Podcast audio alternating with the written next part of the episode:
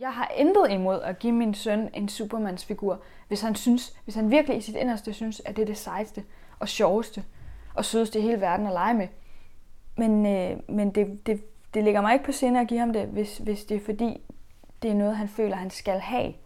At det er en nødvendighed for, at han er god nok i en eller anden sammenhæng. Så, øh, så får han noget andet, og så snakker vi om det andet.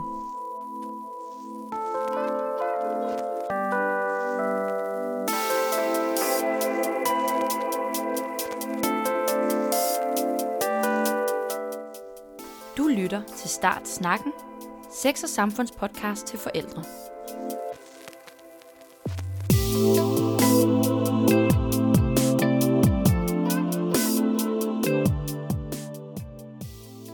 Mit navn er Emilie Håber, og du lytter til 9. afsnit af Start Snakken.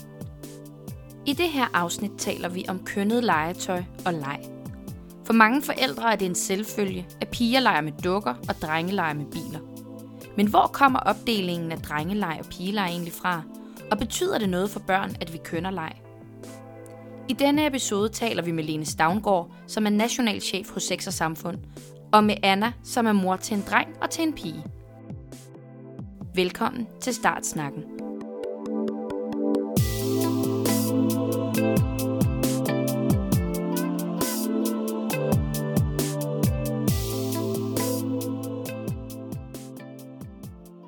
Vi starter hjemme hos Anna. Jeg hedder Anna, og jeg er mor til en datter på to og en søn på fire. For mig er kønnet leg og kønnet legetøj noget, som voksne kan komme til at pådute børn i en eller anden øh, god intention om at møde børnene der, hvor man som voksen tænker, at børnene er. Vi har jo øh, gennem fra, fra børnene, begge børn var helt små, og nu hvor de, hvor de vokser og bliver ældre, fornemmet den her, øh, den her forventning, der har været til dem fra samfundets side og fra ældre generationers side, fra alle mulige sider, om at de gerne skulle have nogle bestemte interesser, de skulle gerne tale på en bestemt måde, de skulle gerne opføre sig på en bestemt måde.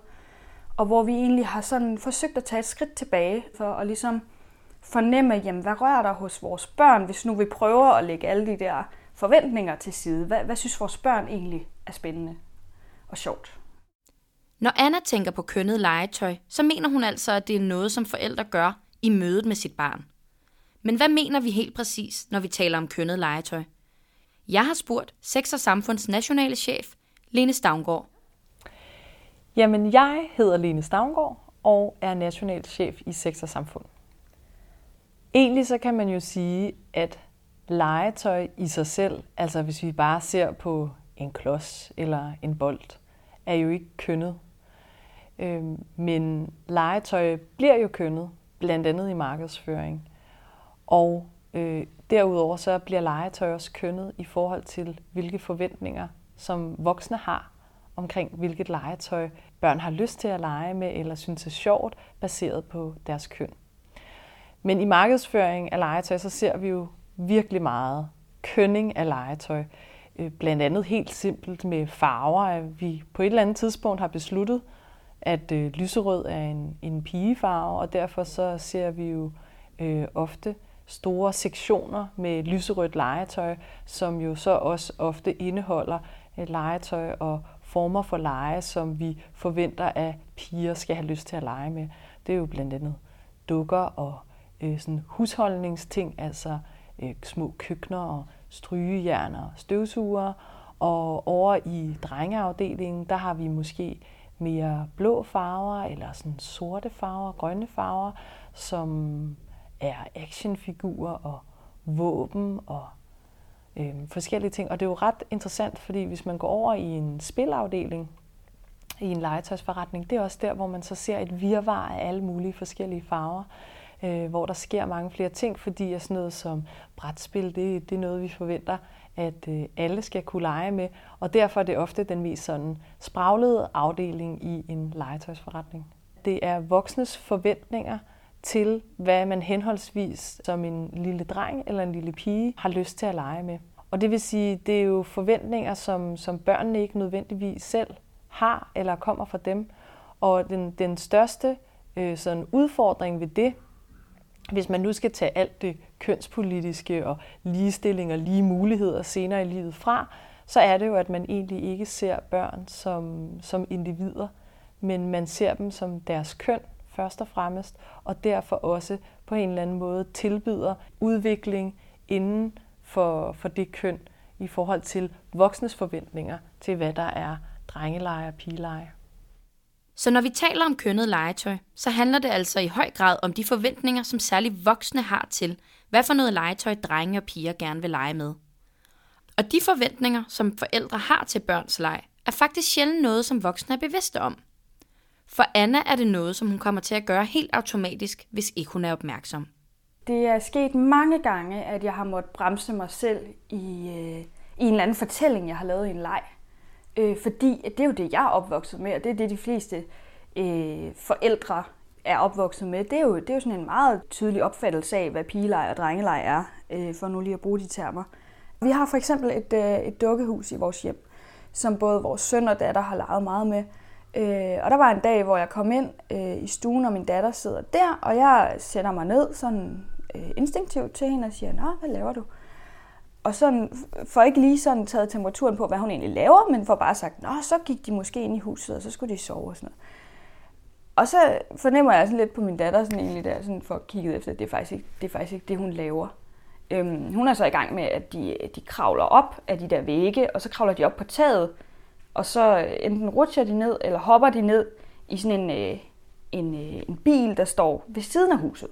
Så hun er slet ikke i gang med sådan en klassisk øh, rolle, putte, sove, leg. Hun er faktisk i gang med en eller anden, øh, en eller anden actionpræget leg, ikke? Og, og hvis ikke jeg havde sådan ligesom fået bremset mig selv i, i den der talestrøm, jeg nu havde gang i, så havde, så havde jeg faktisk slet ikke fået lov til at se, hvad det var, min datter på eget initiativ var i gang med at opfinde i, i den der konstellation der.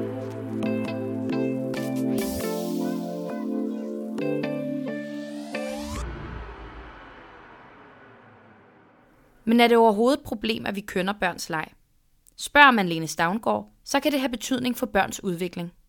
Jamen, hvis vi nu ser på, på et barn som, øh, som et individ og ikke som et køn, så kunne man jo for eksempel se på barnet, som er, er det her barn meget udadvendt? Kan barnet godt lide at lege vilde lege? Taler barnet meget? Øh, hvad for nogle øh, udfordringer har, har barnet behov for?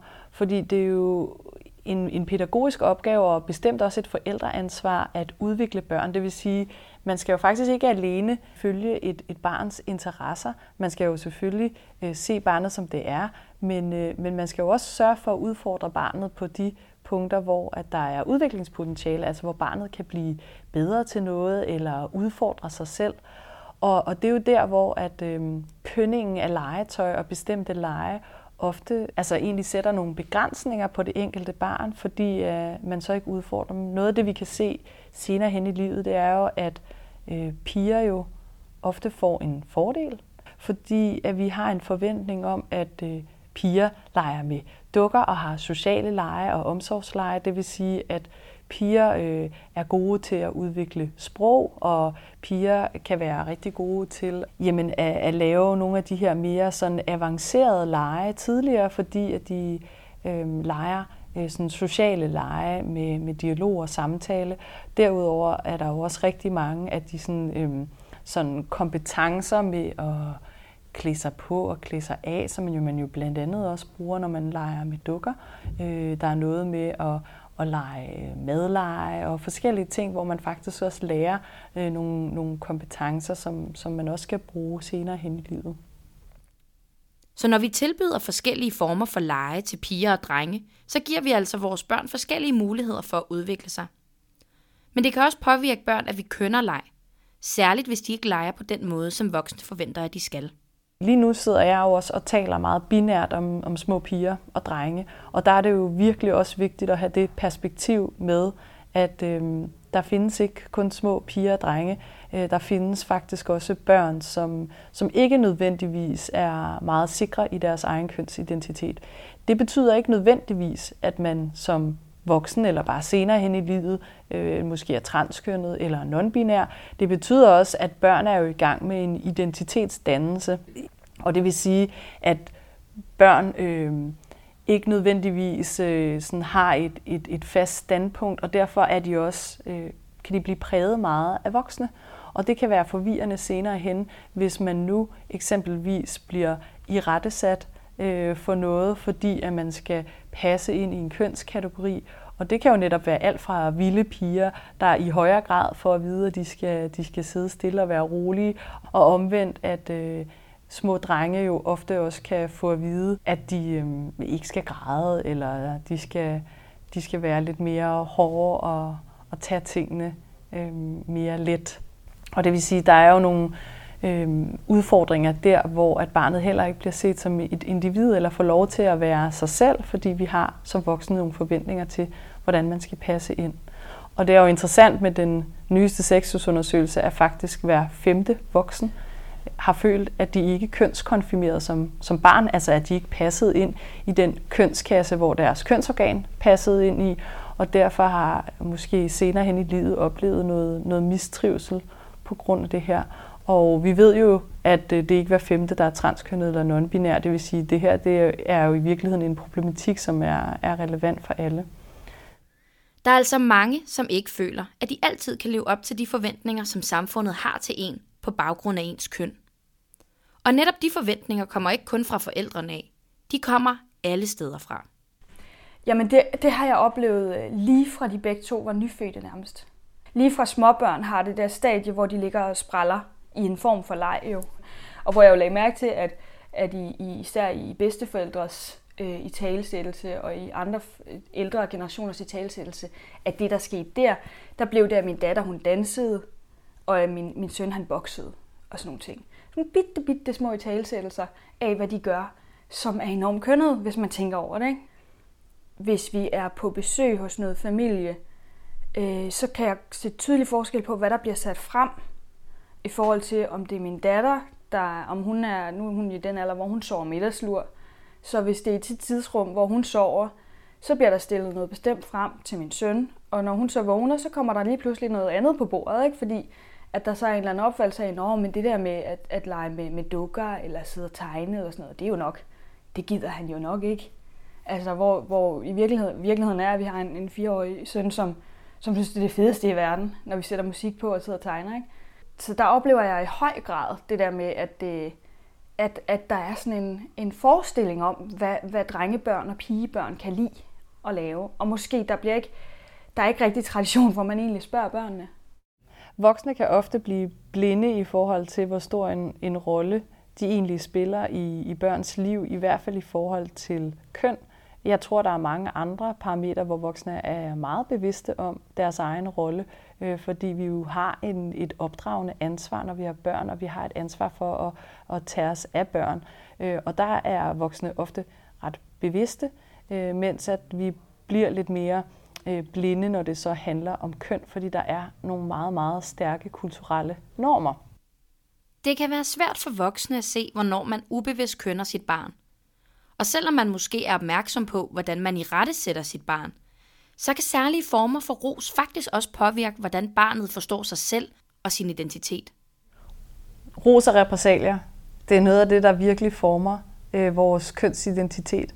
Og det vil sige, selvfølgelig kan man være meget opmærksom på, hvornår man siger til sit barn, øh, det er rigtigt, det er forkert, eller det må du ikke gøre, og hvornår det har noget at gøre med køn.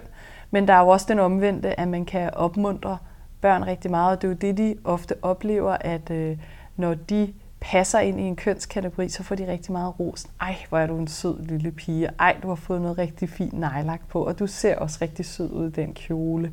Eller drømmer du også om at være Elsa for Frost? Øh, og omvendt til, til de små drenge, så kan det være sådan, ej, du er da også en lille vildbasse, eller du er en rigtig dreng, og det er noget flot kort hår, du har der. Altså, der er, der er masser af ros at hente for børn, og, og børn, de, de elsker jo at leve op til andres forventninger, fordi det betyder at være en del af et fællesskab, både det lille fællesskab derhjemme, men også det større fællesskab i børnehaven.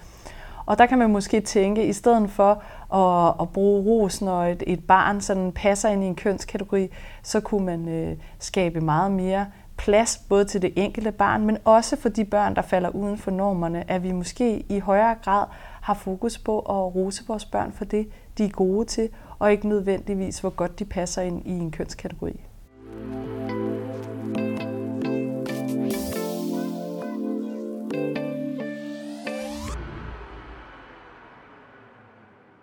Men børn reagerer ikke kun på, hvordan ens forældre i tale sætter leg. Anna har for eksempel lagt mærke til, at hendes søn har ændret adfærd og leg, efter han er startet i børnehave. Da han startede i børnehave, og vi lige pludselig fik en søn hjem, som lige fra den ene dag til den anden havde kæmpe fascination af våben og superhelte, der måtte vi lige sådan se hinanden i øjnene og være sådan, Nå, hold da op, hvor kom det fra? Ikke? Fordi øh, indtil da havde han været, øh, havde han haft en lang periode i vuggestuen, hvor han, det første han gjorde, når han kom om morgenen, var at tage en kjole på, øh, som, som var i en udklædningskasse derovre, og det havde været en ting, ikke? Øhm, så der var det egentlig sådan lidt den omvendte, men at da, han, da den her, øh, hvad skal vi kalde det, fascination af våben og så videre kom, der skulle vi også som forældre være ops på ikke at pådute ham noget. Det, det er helt bestemt en stor faktor, det der med, hvad det er for nogle fællesskaber, ens børn begår sig i. Og det er jo de færreste institutioner, der har en sådan en, en reflekteret kønspolitik omkring deres praksis. Så det er jo ikke noget, der nødvendigvis bliver talsat eller set af pædagogerne. Ingen er jo øh, øer. Ingen mennesker er øer. Vi fungerer i et socialt samspil, og vi fungerer i en offentlig arena, i en, i en sådan institutionsarena, i en øh, social arena, i en familiearena. Og det vil sige, at uanset hvad du har af intentioner som forældre, så vil dit barn også blive påvirket af alle mulige andre faktorer. Og det betyder jo selvfølgelig også, at institutionerne i høj grad har et stort ansvar for at skabe muligheder og øh, differentieret leg øh, for børn og, og arbejde aktivt med, med køn. Det er jo der, hvor man egentlig møder øh, de første barriere som forældre, fordi du kan godt have nogle intentioner hjemmefra, og så er dine børn i, i et samspil et andet sted, hvor at der er nogle andre øh, sanktioner og repressalier for, for deres øh, adfærd. Børns opfattelse af dem selv og hvordan de skal være, bliver altså formet ud fra alle de sociale kontekster, som de indgår i. I børnehaven eller skolen er børn derfor også med til at kønne hinanden. Andre børn er jo også formet af deres forældre og de arenaer, de befinder sig i. Så det er jo helt ned til de mest simple ting, at hvis en dreng godt kan lide lyserød, jamen så får han måske at vide, at de andre børn, at det er en pigefarve. Eller omvendt, hvis piger leger vildt eller sådan noget, så kan de få at vide sådan, ej, nu skal du, nu skal du være en sød pige, eller det der, det er drengene, der gør det, eller drenge kan godt lide fodbold, og piger kan godt lide dukker. Og det vil sige, der er jo en masse beskeder, som børnene hele tiden får, øhm, hvor de måske gerne vil, vil rette ind og blive accepteret, og derfor så, øh, så måske ikke altid følger deres egen livsbane, men, men i stedet for møder de her repressalier, som kan være enormt subtile øh, fordi mange voksne også øh, ikke er reflekteret omkring det, og måske ikke tænker over det. Som mennesker har vi altså en ubevidst trang til at sætte grænser og regler for, hvordan piger og drenge skal opføre sig. Anna har lagt mærke til, at omverdenen har brug for at forklare, hvordan hendes egen datter bryder med nogle klassiske kønsnormer. Jeg har stusset og moret mig lidt over, at det, de øh, forklaringer, vi har mødt fra omverdenen på, at vores datter er meget øh, hvad kan man sige, øh, øh, hun, er, hun er meget gå på mod. Hun er sådan en, der, der klatrer op af store rutsjebaner og rutscher, og klatrer op og falder ned og slår sig, og har blå mærker, og er meget sådan aktiv. Øhm, hun er ikke, falder ikke ind i den der kasse af, af børn, der, der sidder og øh, sidder stille. altså hun, der, hun drøner. Vores søn er faktisk af natur meget forsigtig, og har først for nylig sådan ture øh, våge op på store rutsjebaner og sådan noget. Det har været sådan, han, har, han har været meget forsigtig af sind. Og hvor øh, vores datter er bare sådan, hun drøner afsted, og så op og afsted, og så slår man sig, og så pyt skidt, og så afsted igen.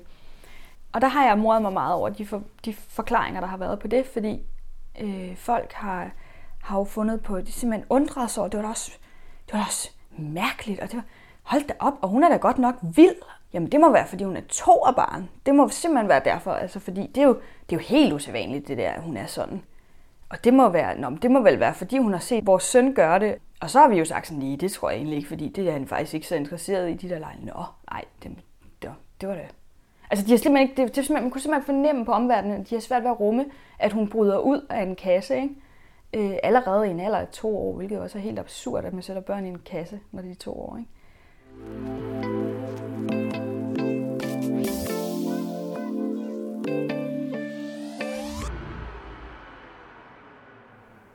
Men hvorfor er det, at det kan være så svært for os at give slip på, at drenge og piger skal lege forskelligt?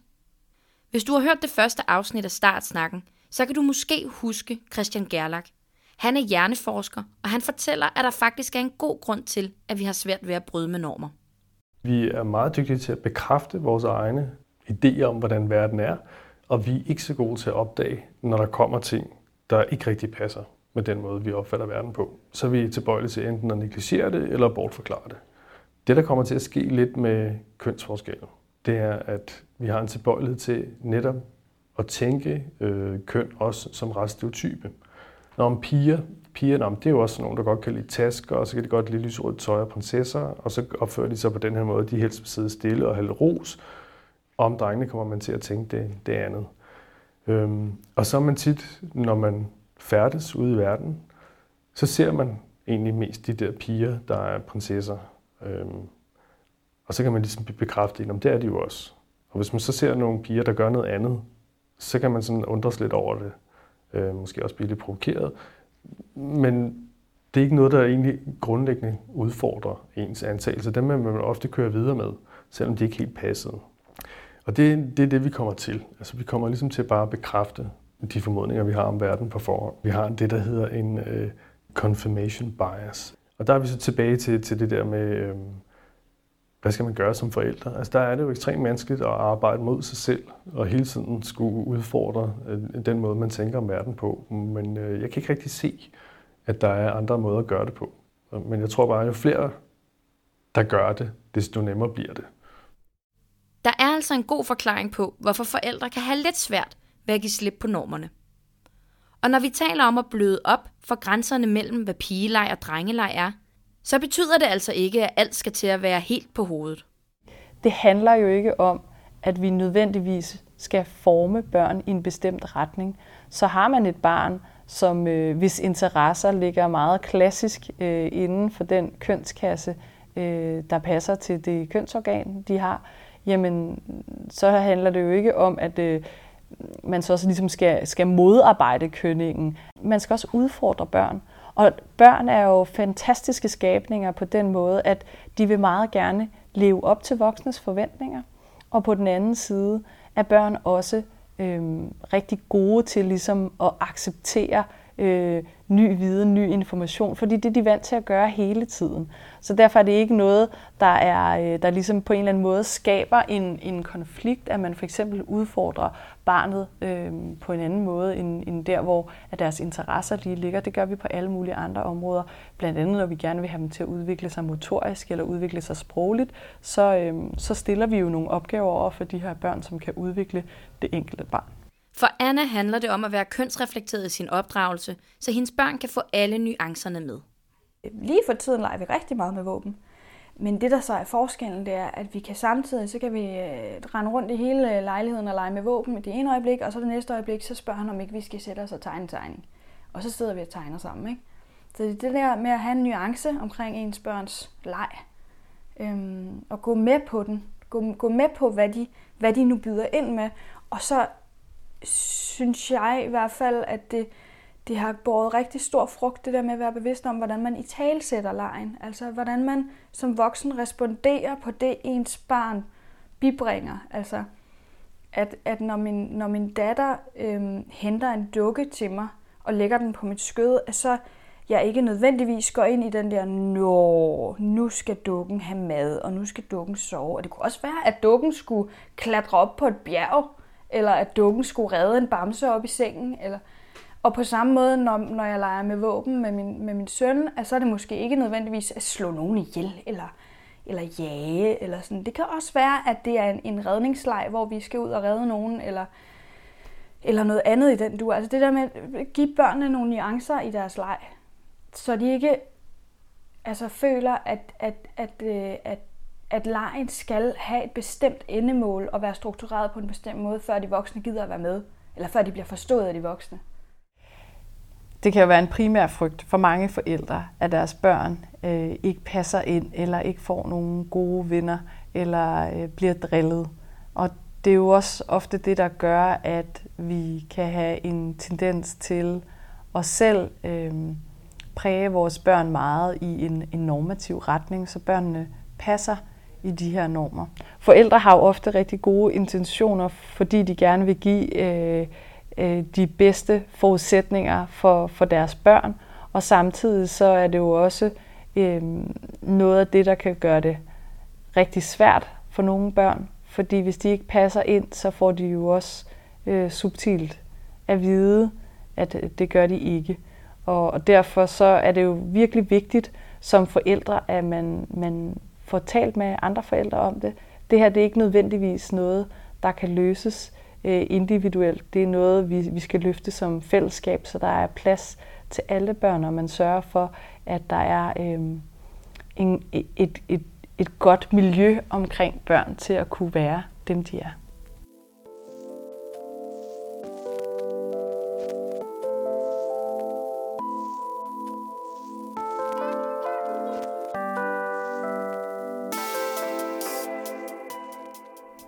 Der er altså ikke noget galt med, at piger vil lege med dukker, eller at drenge vil lege med biler. Men det er vigtigt at huske, at børn også er små individer, som skal finde ud af, hvem de er. Og derfor kan det være en stor gave til sit barn, hvis man i stedet for at pådute dem særlige lege, lytter til dem og lader det føre an. Jeg har spurgt Lene Stavngård, hvordan man som forældre bedst kan møde sit barn der, hvor det er. Jamen, hvis jeg skal give nogle gode råd, så tror jeg, jeg ville øh, dele det op i en trætrinsraket, hvor at øh, det første skridt, det er jo, at det starter med dig selv. Så som forældre, øh, hvis du skal arbejde øh, sådan kønsreflektivt, så, så skal du starte med at være, være nysgerrig på dig selv. Se om du kan spotte nogle normer. Læg mærke til, øh, hvad dit barn selv øh, siger, og læg mærke til, hvad, øh, hvad de for eksempel fortæller om, om, om deres verden, og, og se om du kan, du kan spotte nogle normer der. Øh, dernæst så er det en god idé at tale med andre forældre om det. Altså reflektere sammen voksne. Øh, det er også en rigtig god ting, for eksempel at foreslå, at man, man tager det op på et, på et forældremøde øh, i, i børnehaven eller i vuggestuen. Hvordan arbejder vi egentlig med, med køn det her sted, og få en dialog sammen. Og det sidste skridt, det er jo også at tale med dit barn. Man kan have rigtig gode samtaler med sit eget barn om, hvad, hvad de tænker. Øh, prøv at udfordre dit barn, når I sidder og kigger i det der julekatalog, eller hvad de ønsker sig, og tal, øh, tal om køn og tal om interesser. Start snakken.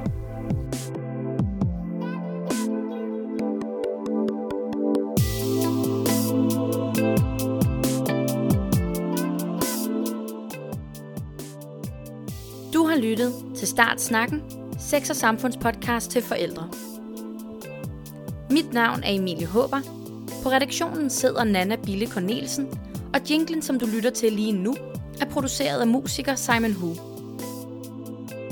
Tak fordi du lyttede med.